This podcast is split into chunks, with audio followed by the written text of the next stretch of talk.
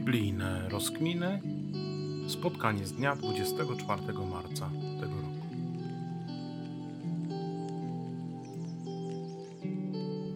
Duchu Święty napełni nas na ten czas zasłuchania i rozważania w Twoje słowo. Poprowadź nas e, tam, dokąd Ty chcesz. Daj nam zrozumieć to, do czego nas wzywasz. Daj nam przyjąć to całym sercem.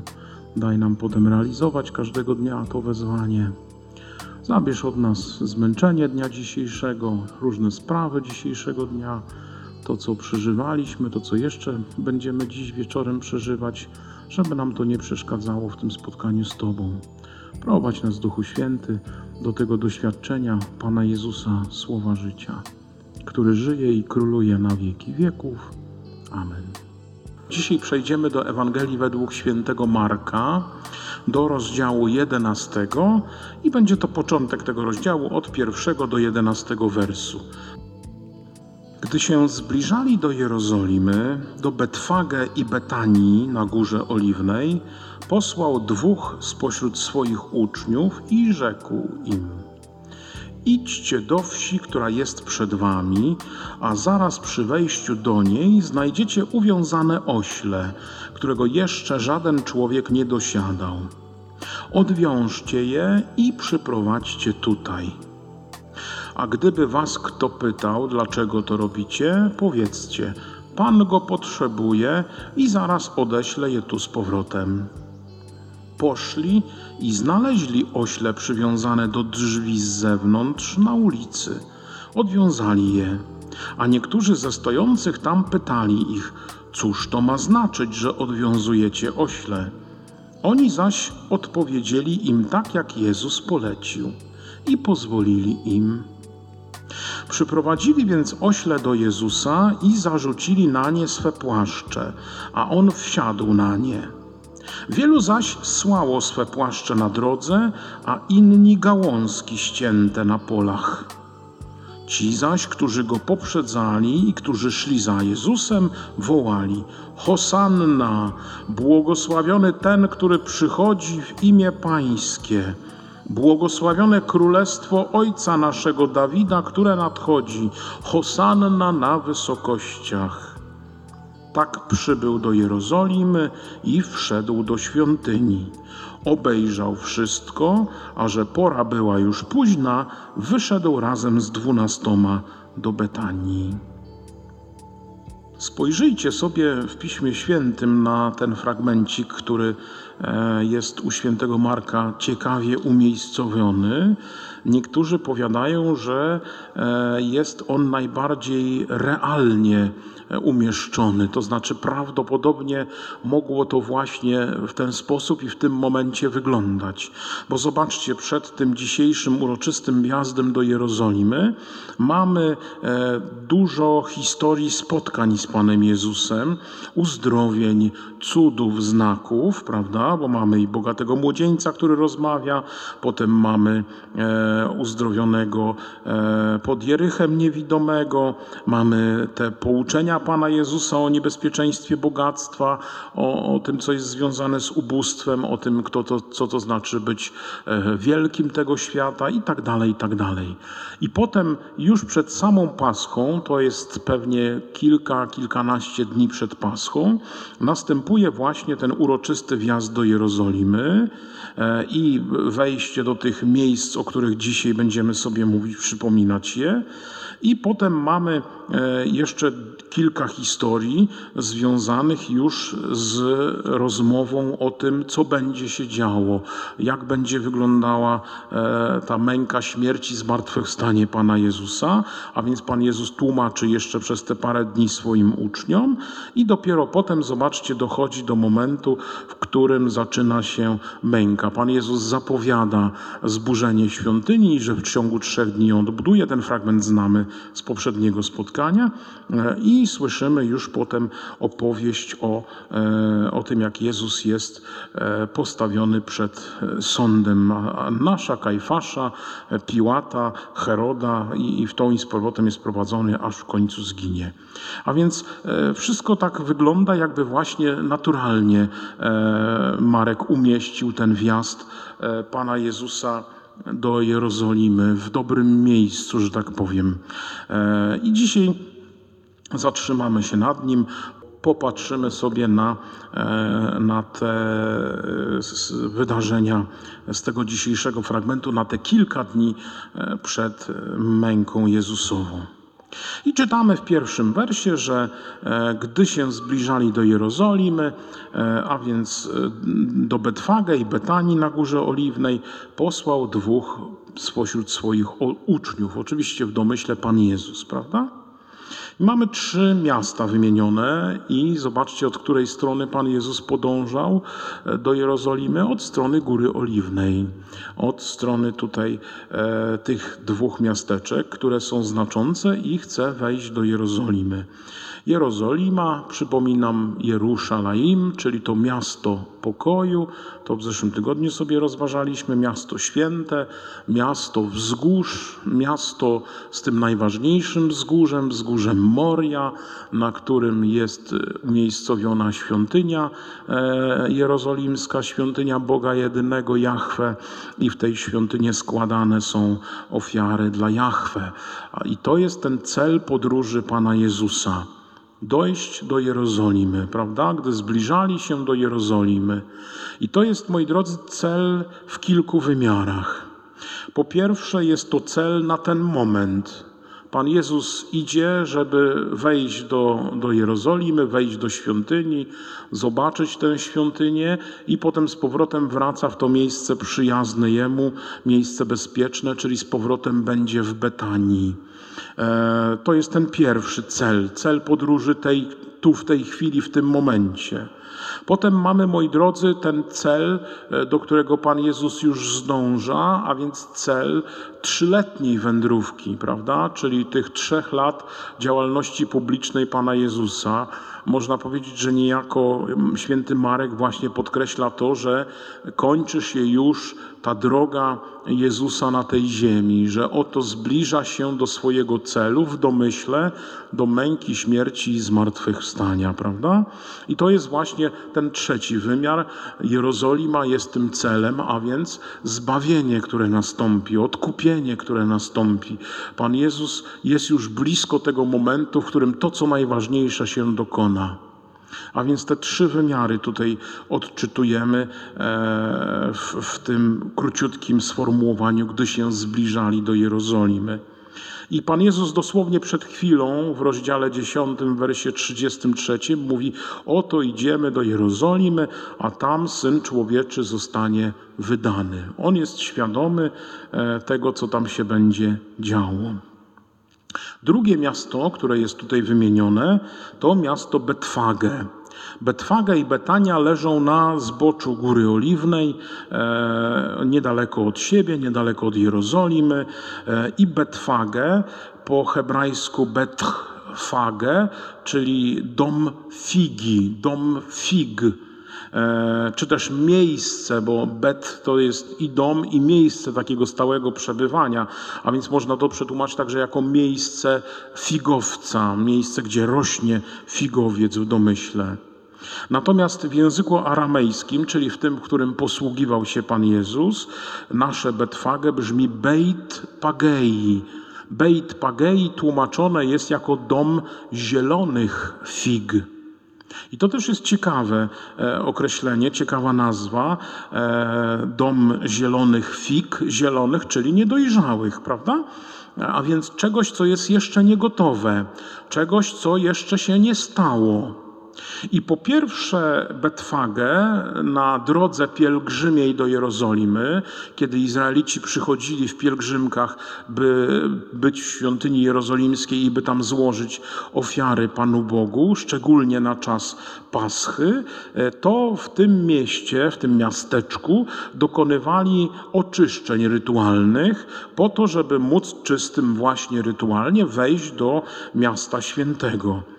A więc jest to taka posiadłość ziemska, osada, niezbyt wielka, e, która jest już e, nawet zaliczana do obrzeży Jerozolimy. A więc jest już poza murami Jerozolimy, a jednocześnie bardzo blisko Jerozolimy i tam pielgrzymi obmywali swoje stopy, obmywali swoje twarze, obmywali swoje ręce, a więc dokonywali oczyszczeń, by móc czystym wejść do Jerozolimy. A więc w tym sensie ta nazwa e, jest bardzo ciekawa, dom zielonych tych niedojrzałych, a więc tu następuje, człowiek przychodzi taki z drogi, taki umorusany i tutaj musi właśnie dojrzeć niejako, żeby wejść gotowym do świątyni w Jerozolimie. I w tym sensie, zobaczcie, także możemy spojrzeć na przebywanie Pana Jezusa w tym Betfagę w tym domu zielonych fig. A więc Pan Jezus jeszcze nie rozpoczyna swojej męki. Jeszcze jest chwila, kilka dni do tej męki. I też będzie tutaj po to, żeby w jakimś sensie dojrzewać do tego momentu, żeby być gotowym na ten moment, żeby móc e, na ten szczytowy e, czas, e, najważniejszy w istnieniu człowieka, żeby dopiero wtedy wejść do Jerozolimy. Bardzo ciekawa myśl ukryta, zobaczcie, w tej e, nazwie.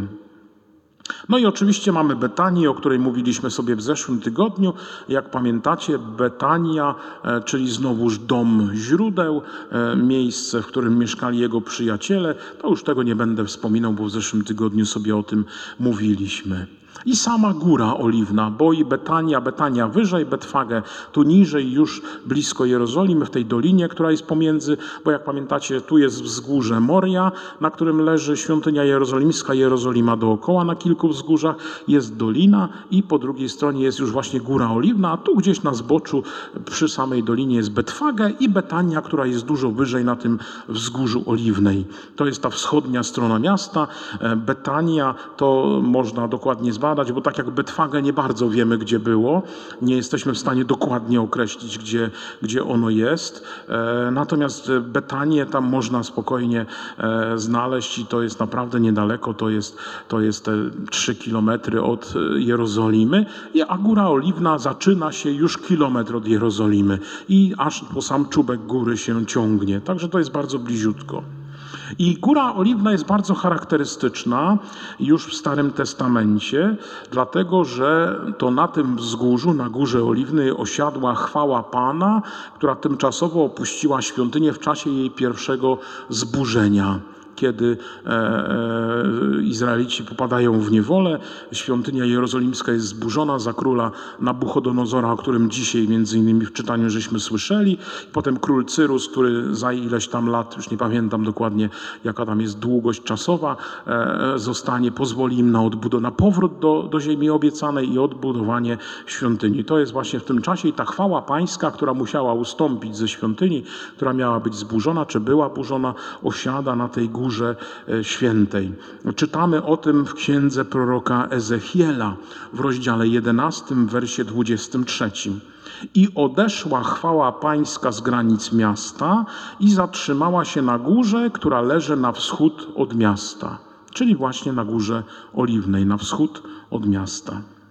W czasach Jezusa wierzono, że e, Góra Oliwna to będzie miejsce, na którym e, objawi się Mesjasz, na którym musi e, w jakimś sensie ukazać swoją obecność.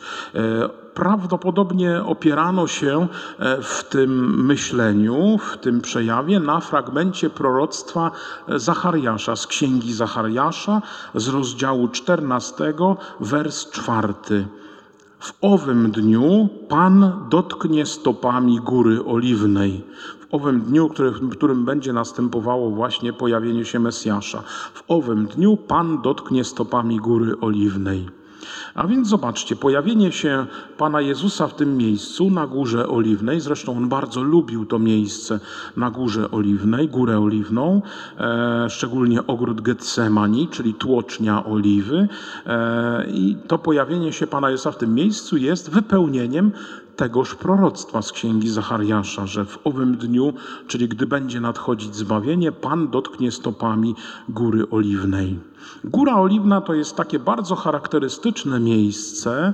E, kto był, e, to pamięta, że jak się jest w ogrodzie Getsemani i jest się e, przy tym kościele właśnie na Górze Oliwnej, to patrząc na drugą stronę, poprzez dolinę, widać dokładnie całe stare miasto Jerozolimę, właśnie z miejscem, na którym kiedyś była świątynia, a dzisiaj jest meczet skały ze złotą kopułą, kiedy się patrzy potem dalej, to widać kopuły e, bazyliki zmartwychwstania, w której jest właśnie ukryta e, skała Golgoty i grób Pana Jezusa oczywiście pusty, a więc ten widok na Jerozolimę jest bardzo dobry.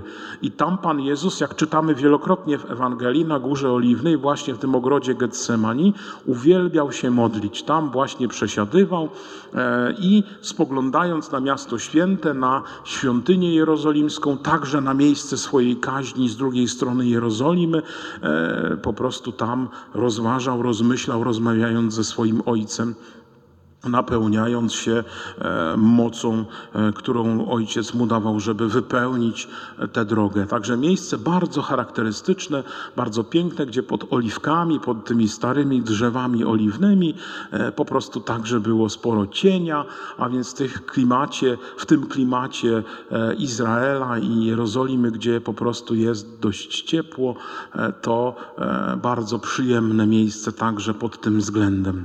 Góra Oliwna.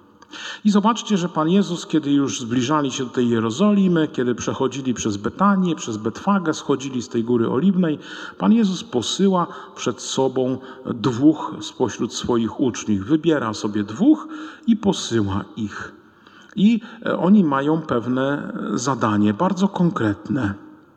Powinien, powinno nam to posłanie e, przygotować, e, skojarzyć nam się z postacią, która e, także była posłana po to, by przygotować Panu drogę, czyli kto, jest, kto był posłany przed Panem Jezusem, tuż przed Panem Jezusem, żeby przygotować drogę Panu?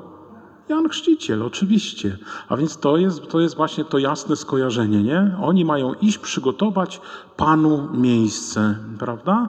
I e, tak jak Jan Chrzciciel idą e, wypełnić to polecenie, wypełnić to zadanie, by ta droga dla nadchodzącego Pana była gotowa. I czytamy dalej, jakie polecenie Pan Jezus tym dwóm swoim uczniom, których posłał, tak jak Jana, Pan Bóg posłał wcześniej, e, jakie zadanie im daje. Czytamy w wersie drugim. Jezus im rzekł: Idźcie do wsi, która jest przed wami, a zaraz przy wejściu do niej znajdziecie ośle uwiązane, na którym jeszcze nikt z ludzi nie siedział. Odwiążcie je i przyprowadźcie tutaj. Znajdziecie ośle przy wejściu do wsi, e, uwiązane, jeszcze przez nikogo nieużywane, odwiążcie i przyprowadźcie. Cóż to jest? Pan Jezus wypowiada w jakimś sensie proroctwo, prawda? A więc pokazuje, że nie jest mu tajna przyszłość. Nie?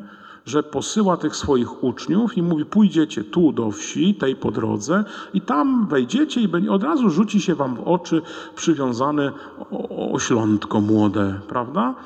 Więc zobaczcie, że Pan Jezus zna czas, zna okoliczności, zna miejsce, wie wszystko, co musi być przygotowane do tego, żeby wypełnić wszystkie proroctwa, e, które przed nim były wypowiedziane o Mesjaszu. Nie?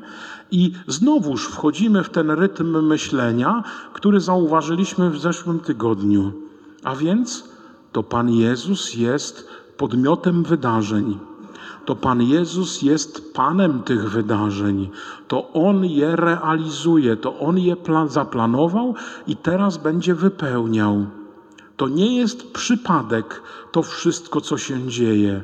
On o tym wszystkim doskonale wie i wchodzi niejako w takie jakby, nie wiem, kolejny czy kroki pozostawione, tak jak na piasku się pozostawia stopy, gdy się idzie po mokrym piasku nad morzem. To Pan Jezus dokładnie właśnie w ten sposób, można powiedzieć, podąża. On doskonale wie, co, gdzie, kiedy, z kim, po co, dlaczego. To wszystko po kolei wypełnia. On jest tym podmiotem zdarzeń. Nie jest bezwolnym uczestnikiem, tak jak sobie mówiliśmy tydzień temu, ale jest właśnie tym, który o tym decyduje i który to realizuje, który podejmuje tę drogę Ojca.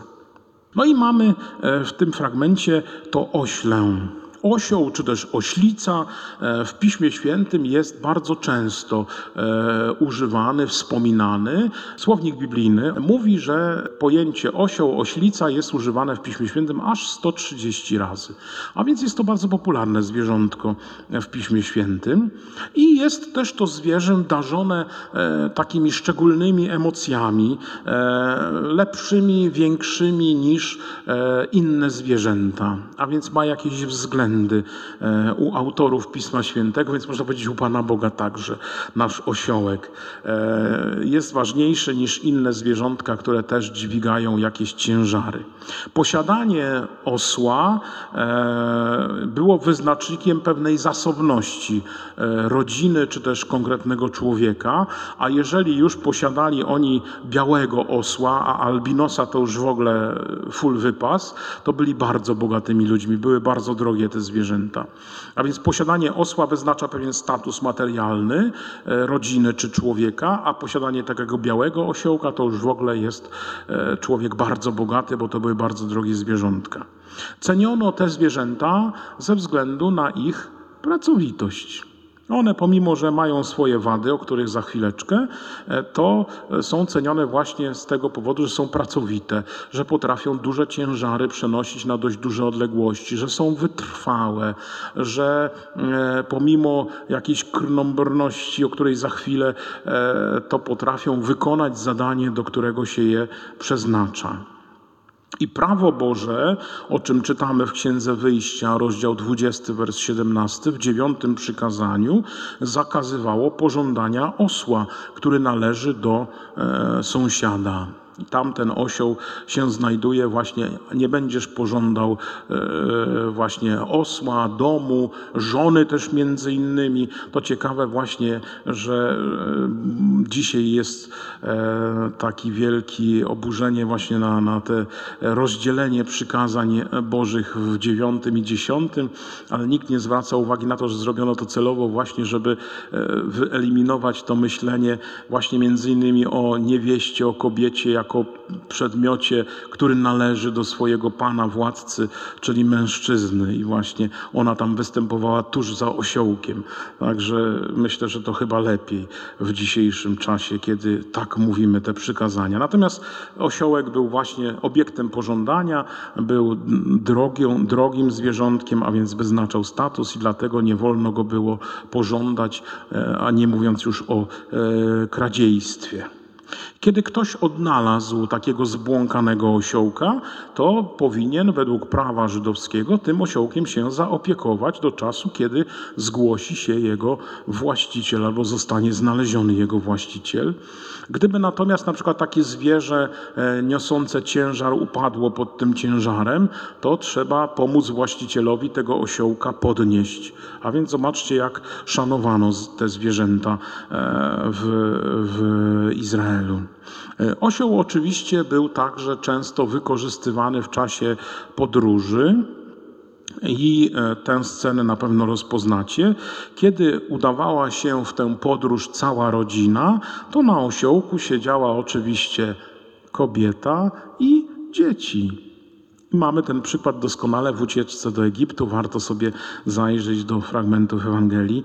A mężczyzna bądź służba szli obok tego osiołka, prowadząc go, żeby tam nigdzie nie brykał na boki, prawda? I też w Księdze Wyjścia w rozdziale czwartym można sobie te przepisy prawa znaleźć, właśnie nakazujące e, w ten sposób e, podróżować. To są te pozytywne cechy. Jego pracowitość, jego e, duża możliwość przenoszenia ciężarów, jego taka pokora. E, to są takie elementy, które są pozytywne, ale z drugiej strony też e, widziano te wady osiołka i podkreślano właśnie to, że czasem jest bardzo uparty, że czasem jest taki głupiutki, więc te cechy też się w Piśmie Świętym przejawiają i z powodu właśnie tych dwóch cech, takiego uporu i głupoty, zresztą i dzisiaj mówimy w, w, przysłowiu, e, jak chcemy komuś dokuczyć, że jest głupi jak osioł, prawda? Albo uparty jak osioł. Także te same cechy, zobaczcie, my przejęliśmy i o nich wspominamy i widzimy je w tym biednym osiołku. I z tego też powodu e, często pogardzano osiołkiem, e, kiedy, kiedy był już starym zwierzątkiem, a gdy skończył swoje życie, to często też nawet nie grzebano go, tylko po prostu te jego szczątki wyrzucano na śmietnik albo porzucano na pustyni. I też takie fragmenty znajdujemy w Piśmie Świętym, w Księdze Sędziów w 15 rozdziale. Jeżeli kogoś to interesuje, można rzucić okiem. A więc ten osiołek z jednej strony szanowany, bo pokorny, bo nosi ciężary, bo można się nim posłużyć, bo jest wytrwały, z drugiej strony przez ten swój upór i głupotę czasem e, wylądował właśnie e, jako, jako taki pogardzony i, i porzucony. Często także w Piśmie Świętym zwracano uwagę na różnicę pomiędzy osłem i oślicą, e, dlatego że drugiemu z tych zwierząt, a więc oślicy, czyli pani osiołowi, jakbyśmy tak żartując sobie powiedzieli, przypisywano więcej cech pozytywnych, ale to na podstawie e, opowiadania z Księgi Liczb z rozdziału 22, gdzie e, oślica Balaama e, rozpoznaje w postaci anioła pańskiego, klęka przed tym aniołem pańskim na kolana i w żadnym wypadku nie chce iść dalej, oddając cześć temu aniołowi pańskiemu, czyli samemu Panu Bogu, e, pomimo tego, że ją tam szturchają, biją i poganiają. Także ta oślica Balaama jest taka przykładowa i właśnie dzięki niej e, ta pani osioł ma, miała więcej czci w Izraelu. E, wzmianka także o oślicy budzi często u Izraelitów skojarzenie z błogosławieństwem Judy, a więc tej najważniejszej postaci dla Izraela, e, tego pierwszego spośród dwunastu braci, można powiedzieć. E, I czytamy w Księdze Rodzaju właśnie w 49 wersie o to błogosławieństwo. Przywiąże on swego osiołka w winnicy i źrebię ośle u winnych latorośli. I wielu e, pisarzy chrześcijańskich w czasie starożytności, na przykład święty Ireneusz z Lyonu, właśnie interpretowało to w tym sensie dzisiejszego wydarzenia, o którym mówimy, czyli e, e, w tym sensie, że będzie używał go Mesjasz, bo ta winna latorośl jest symbolem Pana Jezusa, nie? I że ten osiołek będzie właśnie przez Pana Jezusa użyty. Winnica z kolei była interpretowana jako my, jako wspólnota Kościoła, która czerpie właśnie właśnie z tego winnego krzewu, czyli z samego Pana Jezusa.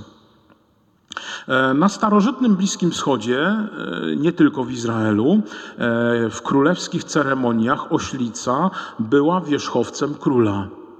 A więc Pan Jezus, który będzie dosiadał osiołka w tym dzisiejszym fragmencie, wpisuje się w te tradycje Bliskiego Wschodu, że król wjeżdżał na oślicy do, e, e, do swojego pałacu, rozpoczynając e, swoje działanie. I według pierwszej księgi królewskiej, rozdział pierwszy, wers 33, właśnie Salomon, siedząc na oślicy Dawida, podążał do Gichon, gdzie miał zostać namaszczony na króla czyli Salomon, syn króla Dawida, kiedy już Dawid e, odszedł z tego świata, miał być namaszczony na króla, właśnie wjeżdżał na tym samym osiołku, na którym podróżował wcześniej król Dawid, a więc na jego osiołku.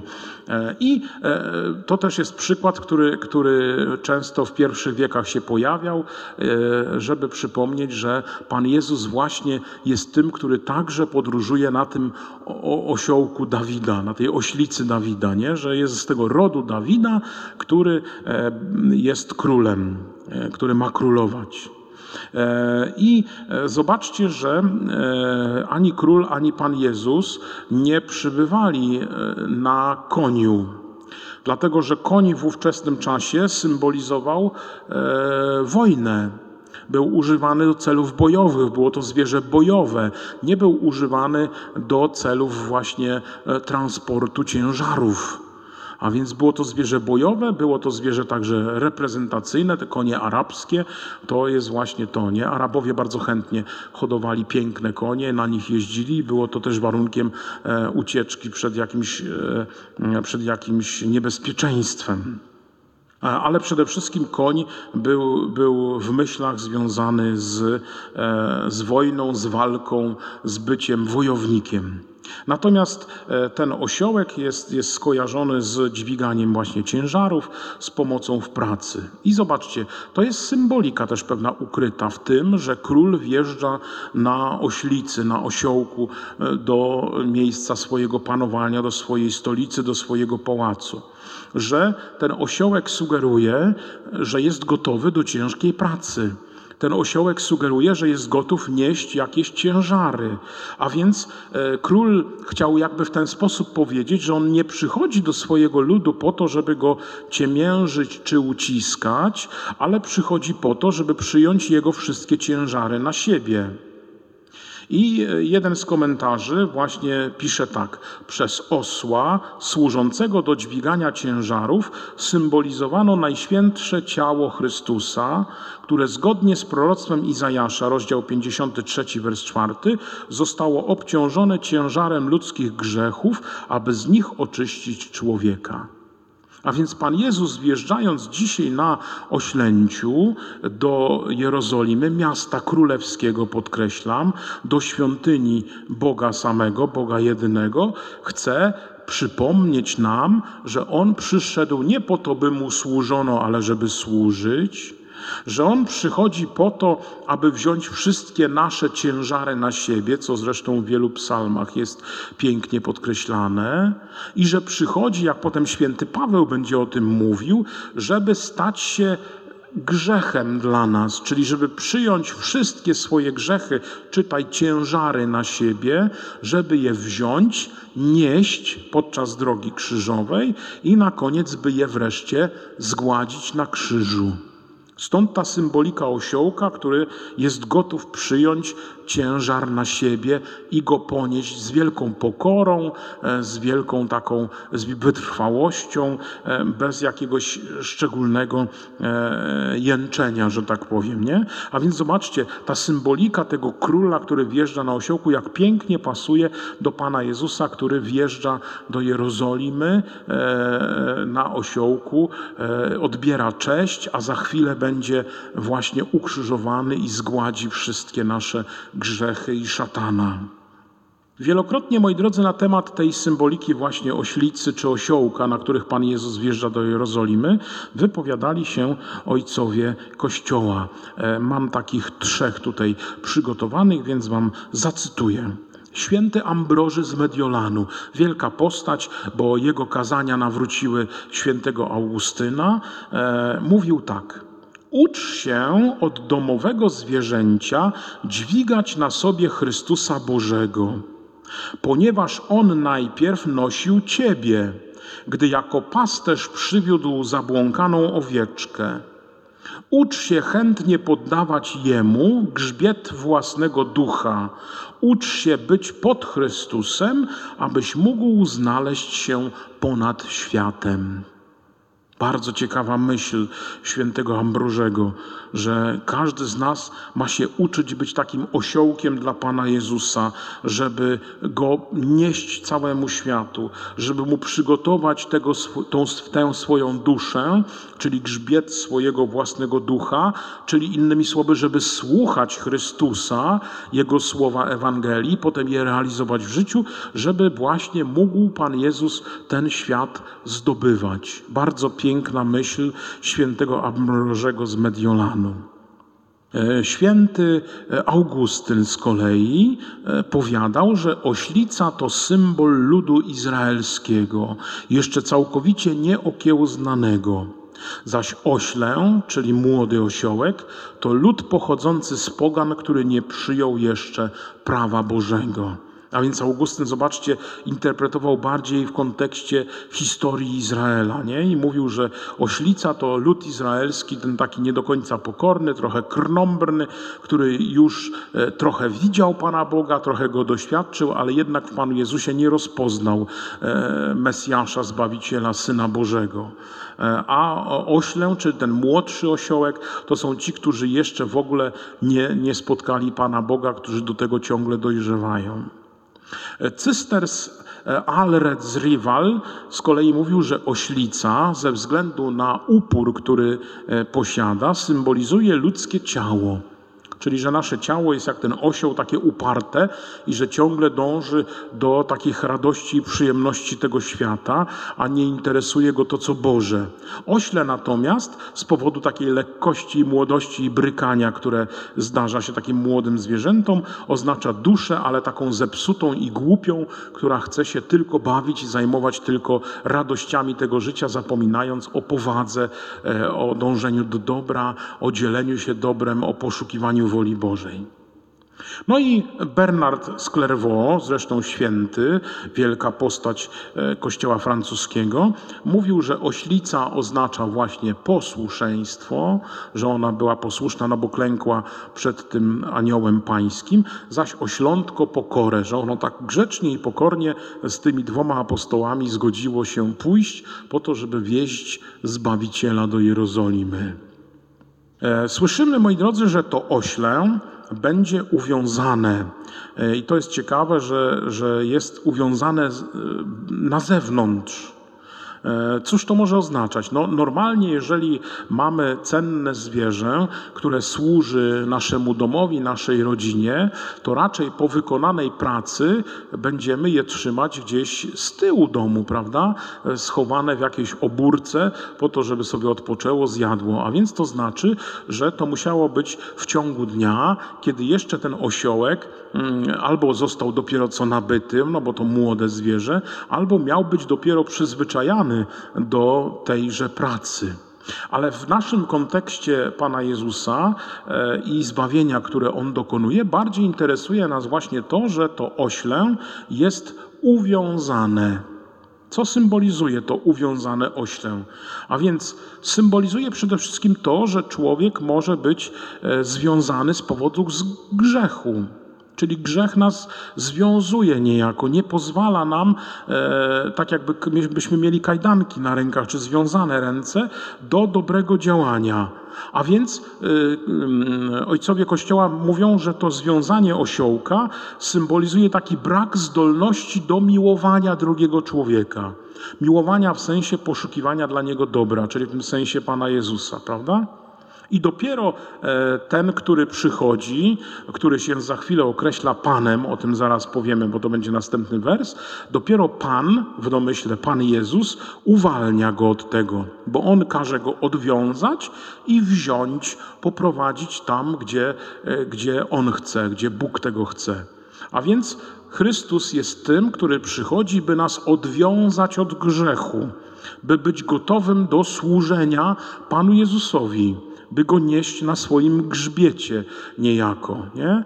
A więc ta symbolika, zobaczcie, apostołów, którzy są posłani przez Pana Jezusa, by odwiązać tego osiołka od tych drzwi i zaprowadzić go do Pana Jezusa, by Panu Jezusowi służył.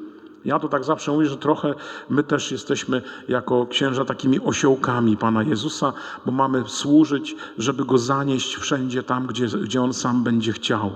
E, I to jest piękne porównanie, którego chyba zresztą Ojciec Święty Franciszek nawet użył swego czasu. Idziemy dalej. Trzeci wers. A gdyby was kto pytał, dlaczego to robicie, czyli dlaczego odwiązujecie i zabieracie tego osiołka, powiedzcie: Pan go potrzebuje i zaraz odeślę je tu z powrotem. Co jest wyjaśnieniem dla tego dziwnego działania e, apostołów. I zobaczcie, to jest też proroctwo, bo Pan Jezus zapowiada to, co się za chwilę będzie działo, i tak się dzieje. Nie? A więc e, jakie jest wyjaśnienie? No wyjaśnieniem tego działania jest tylko i wyłącznie wola Jezusa. On chce, on prosił, on przysłał tych uczniów, żeby tego osiołka odwiązali, zabrali i potem go oddali, bo on go potrzebuje. Pan go potrzebuje. Takie zdanie jest tutaj wypowiedziane. I po polsku ono tak nie brzmi, bo my jesteśmy przyzwyczajeni do słowa pan, bo mówimy pan Kowalski, pan Jaworski, e, pan jakiś tam, prawda? Tymczasem tutaj to słowo pan w języku greckim wybrzmiewa dużo mocniej, dlatego że tam jest użyte takie słowo kyrios. Ono się kiedyś, dawno, dawno temu, starsi na pewno Państwo pamiętacie, e, kiedy msza święta była po łacinie, to się śpiewało nie Panie zmiłuj się nad nami, tylko śpiewało się Kyrie eleison. To pozostało w litaniach na przykład wszystkich. Nie wiem, czy zwróciliście uwagę. I właśnie to słowo Kyrie pochodzi od słowa Kyrios, czyli Pan, Zbawiciel, Zwycięzca. Ten król, który był na jakiejś wyprawie wojennej, zwyciężył wroga, zdobył jego państwo miasto i teraz wraca do swojego miasta jako ten, który zwyciężył, ten, który zdobył, ten, który przynosi dobra tego zdobytego, żeby wzbogacić swoje miasto. I gdy wkraczał właśnie do tego swojego miasta, wszyscy mieszkańcy, jego poddani, mówili mu, e, że jest zwycięzcą, czyli tym właśnie Kryosem. Prawda? E, więc to słowo, ono ma dużo bogatsze znaczenie niż tylko samo słowo pan Kowalski czy, czy pan Jaworski. Kyrios, czyli ten, który zwyciężył, ten, który jest wodzem niezwyciężonym, ten, który jest pogromcą, ten, który jest władcą. A więc to zdanie, zobaczcie, od razu inaczej brzmi, jeśli mówimy Kyrios go potrzebuje. Nie? A więc dla tych ludzi także ono było e, jasne, nie? że ktoś, kto ma władzę, ktoś, kto jest potężny, potrzebuje pożyczyć tego osiołka, skorzystać z niego po to, żeby go za chwilę oddać. I stąd myślę też jest ten brak e, protestu. Co jest ważnego? Ten pan, ten zwycięzca, ten władca, e, jako że jest władcą, to może rozporządzać cudzą własnością. Tak jak król rozporządzał własnością swoich poddanych, prawda? A więc tutaj też zobaczcie, Pan Jezus mówiąc, powiedzcie im, Pan go potrzebuje, Kyrios go potrzebuje, w pewnym stopniu objawia właśnie swoje panowanie nad całym światem i mówi: Ja teraz potrzebuję skorzystać z Twojego osiołka, jestem Twoim panem i władcą, i pozwól mi na to, nie protestuj, prawda? Niesamowite. Objawia się Pan Jezus jako król, a nie jako król doczesny, jako ten król wieczny, król Królestwa Bożego, ten król, który przychodzi, by dać tym, którzy są Jego poddanymi, życie. A więc objawia się Pan Jezus w tym zdaniu e, chyba jedyny raz w zasadzie e, w Piśmie Świętym, e, w, słowach Ewangelii, w, tych, w tych momencie trzech lat wędrówki przez Ziemię Świętą. Tu Pan Jezus objawia się pierwszy raz i mówi o sobie: Ja jestem Kyrios, ja Pan, ja Król, ja jestem tu Zbawicielem. Raczej Pan Jezus unikał takich określeń. E, I e, odwiązanie tego osiołka i pozwolenie na to mogło być też po prostu przejawem jakiejś gościnności, e, przejawem tego, że ci ludzie słyszeli o Jezusie, no bo przecież bywał wielokrotnie w Jerozolimie, nauczał, czynił cuda, a więc mogli o nim słyszeć i, i mogli po prostu zrozumieć, że no, ten sławny rabbi potrzebuje tego osiołka, więc oni z życzliwości mówią, dobrze, niech sobie użyje, potem nam go odda, przecież nic mu nie ubędzie z tego powodu, prawda? Prawda? Więc tutaj to też mogli tak ci ludzie bezpośrednio zrozumieć, natomiast my widzimy w tym ukryty sens tego objawienia Pana Jezusa jako króla, jako zbawiciela, jako tego, który przychodzi, by e, zbawić swoich poddanych, by być dla nich zwycięzcą. Czytamy dalej, czwarty, piąty i szósty wers. Poszli, znaleźli ośle przywiązane do drzwi z zewnątrz na ulicy, odwiązali je, a niektórzy ze stojących tam pytali co to ma znaczyć, że odwiązujecie ośle. Oni zaś odpowiedzieli im tak, jak Jezus im polecił i pozwolili im. A więc zobaczcie, mamy proroctwo. Pan Jezus mówi: pójdziecie, znajdziecie, odwiążecie, zabierzecie, przyprowadzicie, oddacie. Nie?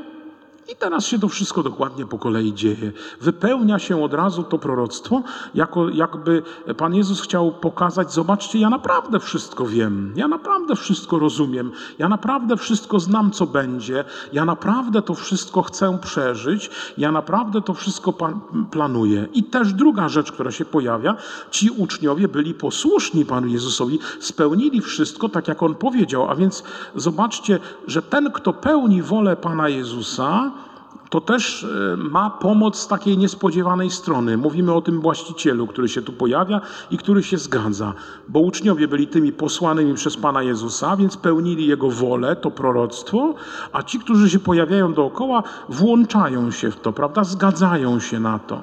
A więc jest z apostołami ta szczególna pomoc, my byśmy powiedzieli Duch Święty, który pomaga im to wypełnić, tę wolę Jezusową, tę drogę Jezusową, to zadanie, które przed nimi Pan Jezus postawił. I to jest też ważny drogowskaz dla nas, żebyśmy się nie bali podejmować tych dobrych natchnień, które mamy w sercu, do których Pan Bóg nas wzywa, do których nas kieruje, do których nas popycha, bo wtedy Duch Święty jest z nami. Pan Jezus pomoże nam je zrealizować, jeśli idziemy w tym dobrym celu wypełnienia Jego woli.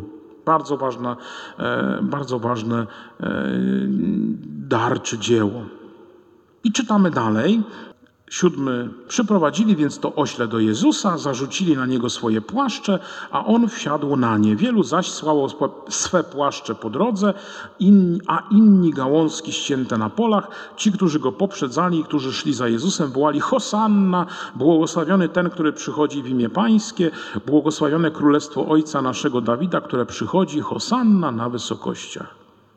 Łukasz jakby tak e, podążając, e, Marek e, razem z Łukaszem, przepraszam, ewangelistą, używają właśnie tego terminu oślę, czyli źrebak osła. Ten, ten termin tutaj nam się pojawia, ale on, tak jak żeśmy sobie rozważali, jest bardzo powiązany z oślęciem, czy z oślicą i osłem, więc tu nie ma żadnej różnicy. Natomiast znowu jest to podkreślenie tego proroctwa Zachariasza z rozdziału 9, że król Syjonu przybędzie na oślęciu, na oślątku źrebicy, źle, y, źrebięciu oślicy już e, mylą mi się słowa. E, to proroctwo z księgi Zachariasza Pan Jezus wypełnia, drugie zresztą już z Zachariasza o tym ośle i oślęciu. Także Pan Jezus, zobaczcie, realizuje nawet najmniejsze, najmniejsze proroctwa ze Starego Testamentu po to, żeby właśnie ani jedna jota, ani jedna kreska nie zmieniły się w prawie. Nie? I przyszedłem nie po to, żeby je znieść, ale żeby je wypełnić. A więc wypełnia to malutkie proroctwo, o którym byśmy zapomnieli, nawet go nie zauważyli z księgi Zachariasza, rozdział 9, wers 9, że król Syjonu przybędzie na oślątku, na źrebięciu oślicy. Czytamy je zresztą w Adwencie. Warto w ten sposób też zwracać uwagę sobie na te czytania. E, I e, to oślę, którego nikt nie dosiadł, o którym tutaj dzisiaj słyszymy, jest też nie bez znaczenia. Dlatego, że zwierzęta, które nie miały żadnej skazy, które nie były jeszcze używane do pracy, czyli na przykład krowy, które nie miały na sobie jeszcze jarzma nigdy, a więc były takie e, świeżutkie, że tak powiem, młode, plus jeszcze do tego nie miały żadnej skazy na sobie, były e, przeznaczone do złożenia Panu Bogu w ofierze. A więc tutaj też to oślę, czyli młody osiołek, który jeszcze nie pracował, być może był przygotowany do przyuczania do zawodu, w cudzysłowie mówiąc, bo stał przed domem przywiązany do drzwi, a nie zamknięty gdzieś tam, czyli już, już, już miał być używany do pracy, ale jeszcze nie. E, jest pewnym symbolem właśnie też tej ofiary składanej Panu Bogu e, z e, tych zwierząt, które, które miały być takie świeże, młode, niczym nieskażone nieskażone, nieznarowione.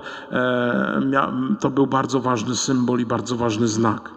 E, te krowy właśnie, o których mówiłem, które nie nosiły jeszcze jarzma, które nigdy nie pracowały, e, były między innymi na przykład używane do e, zwrotu Arki Przymierza Izraelitom.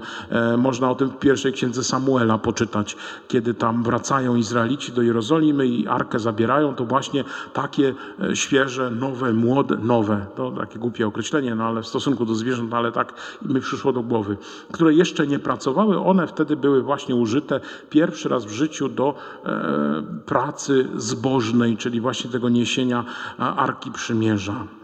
I wypełniają znowuż też e, tę zapowiedź, które, które w księgach komentarzy do Starego Testamentu żydowskich, oczywiście w Misznie, e, Sanhedryn mówił, e, że właśnie dla króla musi być to zwierzę jeszcze przez nikogo nieużywane, bo król na innym nie może jechać. Czyli to ośle musiało być właśnie takie młode, jeszcze nieużywane do pracy, nowe, w cudzysłowie oczywiście. E, I e, słyszymy tutaj e, także w tym fragmencie o tym rzucaniu płaszczy na drogę, o ścinaniu gałązek. To były oznaki radości, to były też oznaki ogromnego szacunku dla kogoś, kto jest właśnie królem, kto jest jakimś ważnym nauczycielem.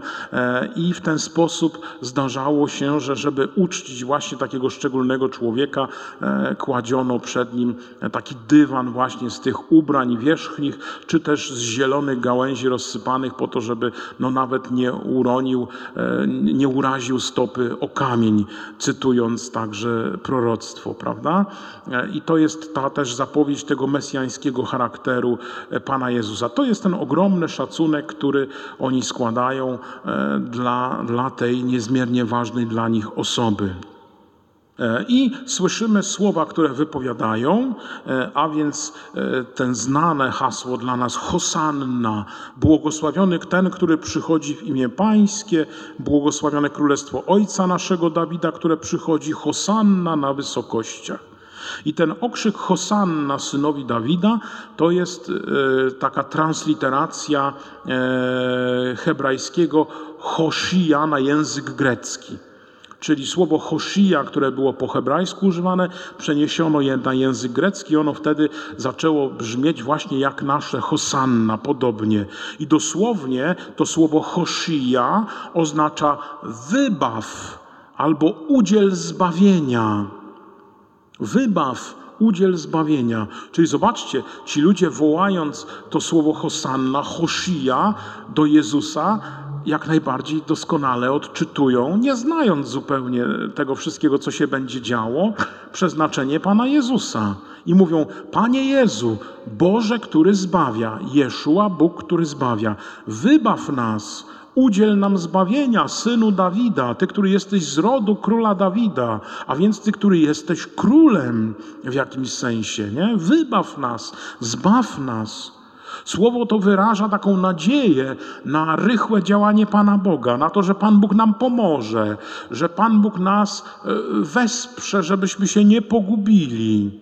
I e, słowo to, Hoshia, było używane podczas e, liturgii w świątyni, podczas święta namiotów.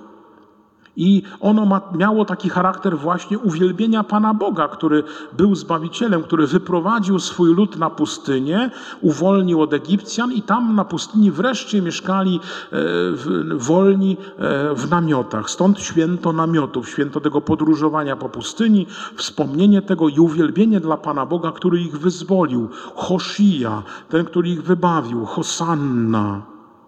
I e, wyraża, wyrażało też to, to, słowo, wybaw nas, zbaw nas, udziel nam zbawienie, także taką tęsknotę e, Izraela za tym Mesjaszem zapowiedzianym, który ma przyjść, za tym, który nas wyzwoli, za tym, który nas wyprowadzi, za tym, który pozwoli nam być wreszcie wolnymi. Oni oczywiście to rozumieli na sposób mm, doczesny, że będą znowu mieli królestwo Izraela, ale my doskonale wiemy, że to królestwo Pana Jezusa e, polega na zupełnie czym innym i wybawienie także polega na zbawieniu od zła, zbawieniu od śmierci, zbawieniu e, od grzechu.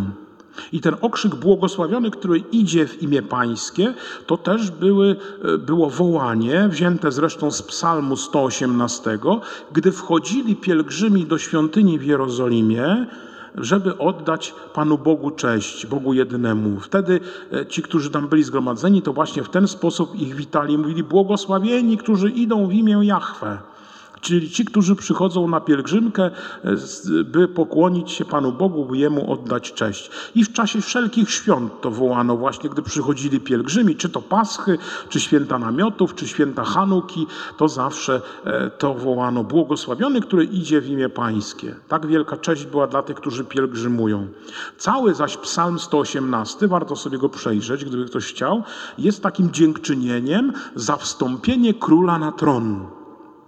A więc te słowa, zobaczcie, też pięknie nam tu dzisiaj pasują, korelują z wjazdem Pana Jezusa do Jerozolimy, z tym królem, który pokorny jedzie na osiołku, który symbolizuje to wszystko, o czym mówiliśmy. A więc witają Pana Jezusa jak króla.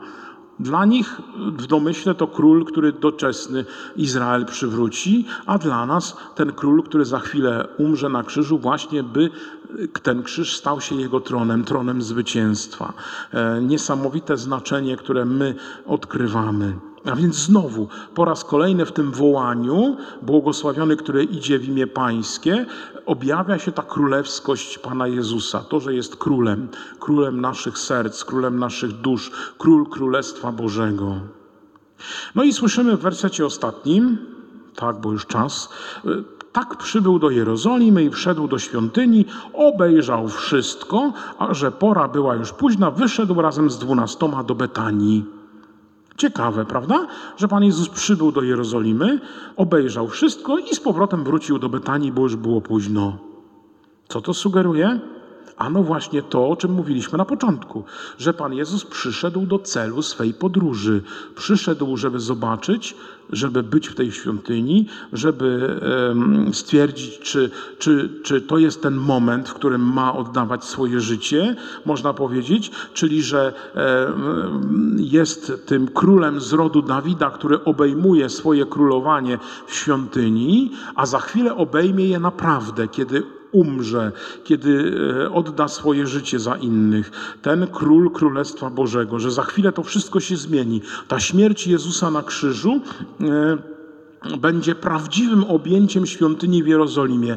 Już w tej świątyni Bóg nie będzie oddzielony od swojego ludu. Symbolicznie jeden z e, ewangelistów opisuje właśnie to rozdarcie się e, tej kurtyny, która oddzielała święte świętych od, e, od dziedzińca kapłanów, że, że właśnie można wreszcie być blisko Boga. To jest, to jest ta myśl tutaj już, która się pojawia, że Pan Jezus przyszedł, zobaczył, tak, jeszcze jesteśmy oddzieleni, jestem tu królem, za chwilę tu wrócę w pełni swojego królestwa, w pełni swojego zwycięstwa, w pełni swojej mocy, jako ten Kyrios, Pan Zbawiciel i wreszcie się wszystko zmieni. Obejmę naprawdę swoje królowanie tak, jak wy chcecie.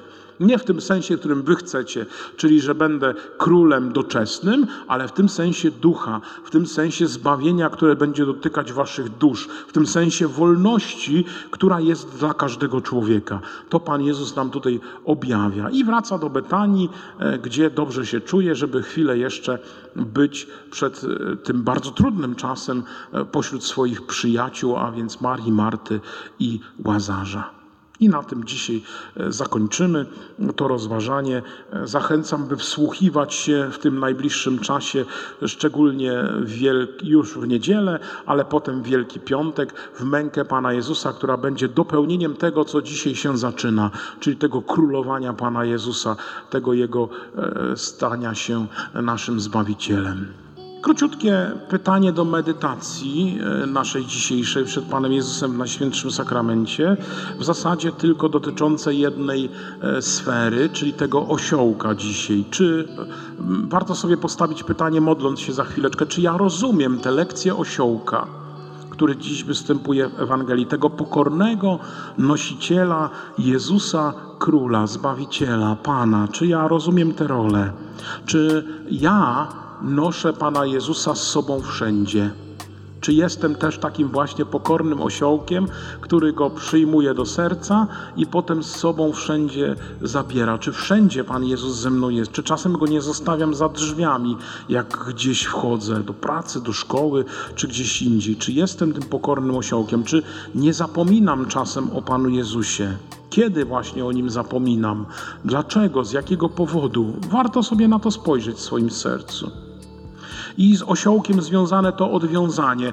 E, Od czego Pan Jezus powinien mnie jakoś odwiązać, odciąć? Co mnie trzyma? Co nie pozwala mi tak właśnie służyć całym sercem Panu Jezusowi?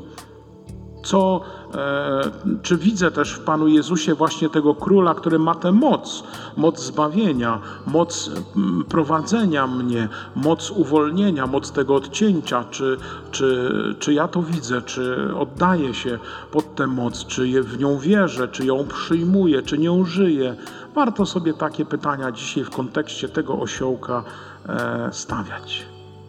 E, czy widzę też w Panu Jezusie właśnie tego króla, który ma tę moc, moc zbawienia, moc mm, prowadzenia mnie, moc uwolnienia, moc tego odcięcia, czy, czy, czy ja to widzę, czy oddaję się pod tę moc, czy w nią wierzę, czy ją przyjmuję, czy nią żyję.